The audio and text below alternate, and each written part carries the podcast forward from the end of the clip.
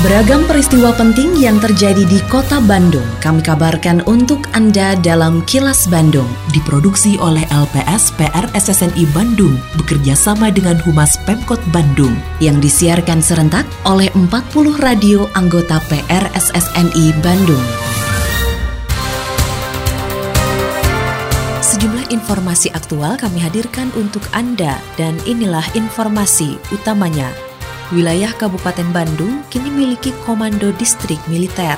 Wabah virus corona berdampak minim terhadap pasar keuangan Indonesia. Soal perayaan Hari Valentine, Wali Kota imbau warga jaga kondusivitas. Saya Santika Sari Sumantri, inilah kilas Bandung selengkapnya.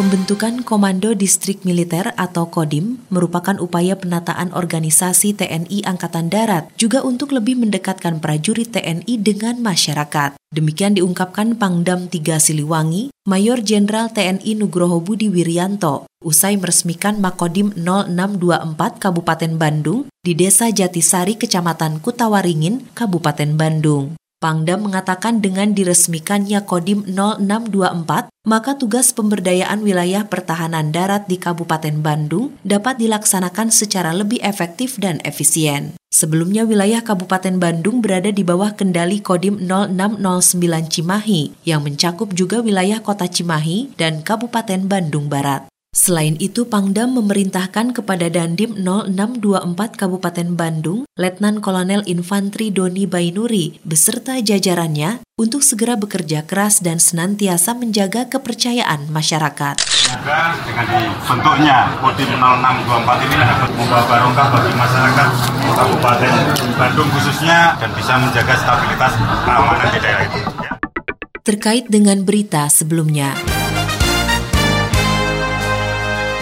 Bupati Bandung Dadang M. Nasir mengapresiasi positif dibentuk dan diresmikannya Kodim 0624 Kabupaten Bandung. Menurut Dadang, dengan hadirnya Kodim 0624 ini, maka akan mempererat kedekatan antara prajurit TNI Angkatan Darat dan masyarakat di wilayah Kabupaten Bandung. Dadang juga menilai pembentukan Kodim baru ini merupakan peran penting TNI dalam pengamanan wilayah dan percepatan pemerataan pembangunan di Kabupaten Bandung. Pertama saya ucapkan terima kasih kepada Mabes TNI dari Pak Pandam atas diresponnya permohonan masyarakat kami hadirnya Kodim mengingat dinamika dan jumlah masyarakat Kabupaten Bandung sebagai jumlah penduduk terpadat kedua di Indonesia setelah Kabupaten Bogor. Sehingga tentu saya yakin dengan dengan didekatkannya markas itu akan lebih intensif pola pengamanan di Kabupaten Bandung.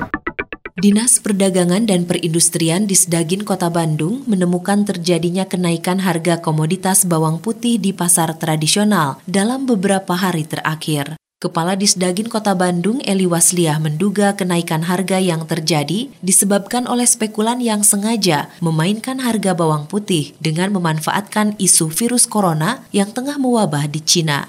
Meski terjadi kenaikan harga, Disdagin Kota Bandung menjamin pasokan bawang putih dalam kondisi aman. Eli mengakui sebagian besar pasokan bawang putih di kota Bandung merupakan impor dari Cina, namun masih ada pasokan yang berasal dari hasil pertanian lokal di Ciwidey, Kabupaten Bandung rata-rata di pasar tradisional itu sudah bergerak di 56.000 sampai 60.000 per kilo. Yang di harga normalnya adalah 30.000 sampai 35.000 per kilo. Jadi ini sudah ada kenaikan hampir dua kali lipat harga bawang putih di pasar-pasar tradisional itu. Padahal stok masih aman. Jadi memang 80% kebutuhan bawang putih di kota Bandung itu dipasok dari impor dari Cina. Sedangkan 20%-nya itu dipasok dari lokal. Jadi tetangga kita Kabupaten Bandung termasuk adalah salah satu produsen atau sentra produksi bawang putih untuk di Ciwidey, Kabupaten Bandung itu. Bank Indonesia masih terus memantau perkembangan dampak virus corona terhadap perekonomian Indonesia. Deputi Gubernur Senior Bank Indonesia, Destri Damayanti mengatakan, berdasarkan pantauan Bank Indonesia, hingga saat ini wabah virus corona baru terasa di sektor keuangan, menyusul jatuhnya pasar saham di Cina. Meski sempat terimbas, dampak virus corona di sektor keuangan pada umumnya hanya sementara karena dipengaruhi faktor struktural dan fundamental. Menurut Destri, saat ini sektor keuangan Indonesia tidak terdampak terlalu banyak oleh wabah virus corona, terbukti dengan nilai tukar mata uang rupiah yang sudah kembali stabil Kalau virus corona kan emang kita lihat bahwa dampaknya itu bisa masuk dari sektor keuangan dan sektor real ya. Sektor keuangan kita lihat kemarin sudah terkena. Dalam artian setelah Cina pasar sahamnya jeblok, kita sempat juga kena 1,9 persen kita turun. Currency kita juga sempat terganggu. Bond market kita juga sempat terganggu. Tapi sejauh ini kita melihat Indonesia tidak termasuk negara yang efek secara signifikan. Sehingga kita lihat juga eh, pasar keuangan kita sudah mulai kembali normal.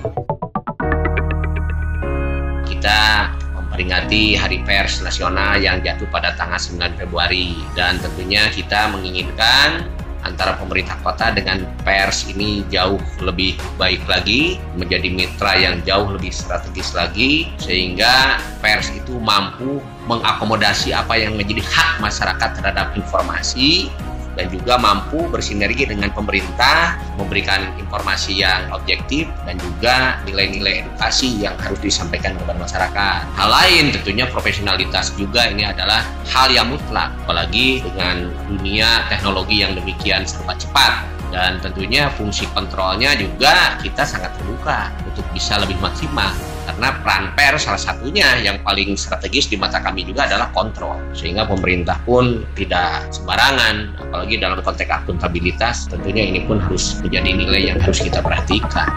Wali Kota Bandung Oded Muhammad Daniel mengimbau warga tetap menjaga kondusivitas keamanan Kota Bandung dalam menggelar berbagai kegiatan termasuk acara yang berkaitan dengan Hari Valentine. Meski diakui banyak kalangan yang menolak acara tersebut, Oded berharap tidak terjadi hal-hal yang tidak diinginkan di kota Bandung. Sebelumnya, Dinas Pendidikan Kota Bandung mengeluarkan surat edaran yang melarang siswa merayakan Hari Valentine. Sekretaris Dinas Pendidikan Kota Bandung, Cucu Saputra, menyatakan larangan tersebut sebagai bentuk antisipasi siswa melakukan hal-hal yang tidak patut saat Hari Valentine. Siapa pun, apa pun yang akan mengadakan acara-acara event-event apa pun, saya kira harus menjaga konsivitas ini, termasuk apa namanya Valentine, karena saya lihat di mana-mana Valentine ini memang juga banyak disangka oleh masyarakat, saya kira ya. Ini juga saya berharap kita menghimbau kepada warga Bandung agar lebih memperhatikan Kota Bandung Bandung yang sudah kita bangun bersama-sama, jangan sampai terjadi hal yang tidak diinginkan.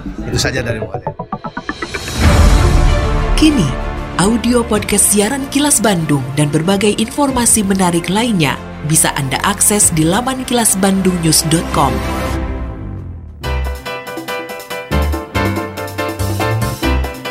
Berikut sejumlah agenda kerja para pejabat Pemkot Bandung Kamis 13 Februari 2020. Wali Kota Oded M. Daniel menghadiri acara komunikasi pembangunan daerah Kopdar bersama Gubernur Jawa Barat di Isola Jatiluhur Kabupaten Purwakarta. Kemudian sore nanti dijadwalkan menerima Kepala Kanwil Jabar Kementerian Hukum dan HAM, juga Direktur Diplomasi Publik Kementerian Luar Negeri, Kepala Museum Konferensi Asia Afrika. Sementara itu, Wakil Wali Kota Yana Mulyana membuka kejuaraan pencak silat tingkat pelajar memperebutkan piala bergilir Wali Kota Bandung. Adapun Bandung menjawab di ruang media Balai Kota Bandung menghadirkan narasumber dari Dinas Perdagangan dan Perindustrian Kota Bandung dan PD Pasar Bermartabat. Selain agenda kerja para pejabat Pemkot Bandung, informasi dari Humas Kota Bandung, yaitu Wali Kota Bandung Oded M. Daniel mengakui jika program inovasi pembangunan dan pemberdayaan kewilayahan atau PIPPK masih harus terus disempurnakan agar tepat sasaran dan masyarakat bisa lebih merasakan manfaatnya.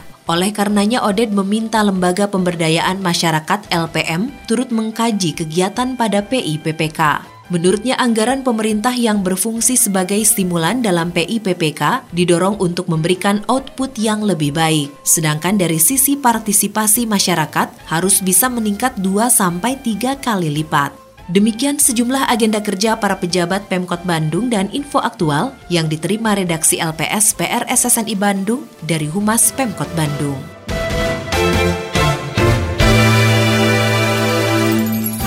Terima kasih Anda telah menyimak Kilas Bandung bekerja sama dengan Humas Pemerintah Kota Bandung yang diproduksi oleh LPSPR SSNI Bandung.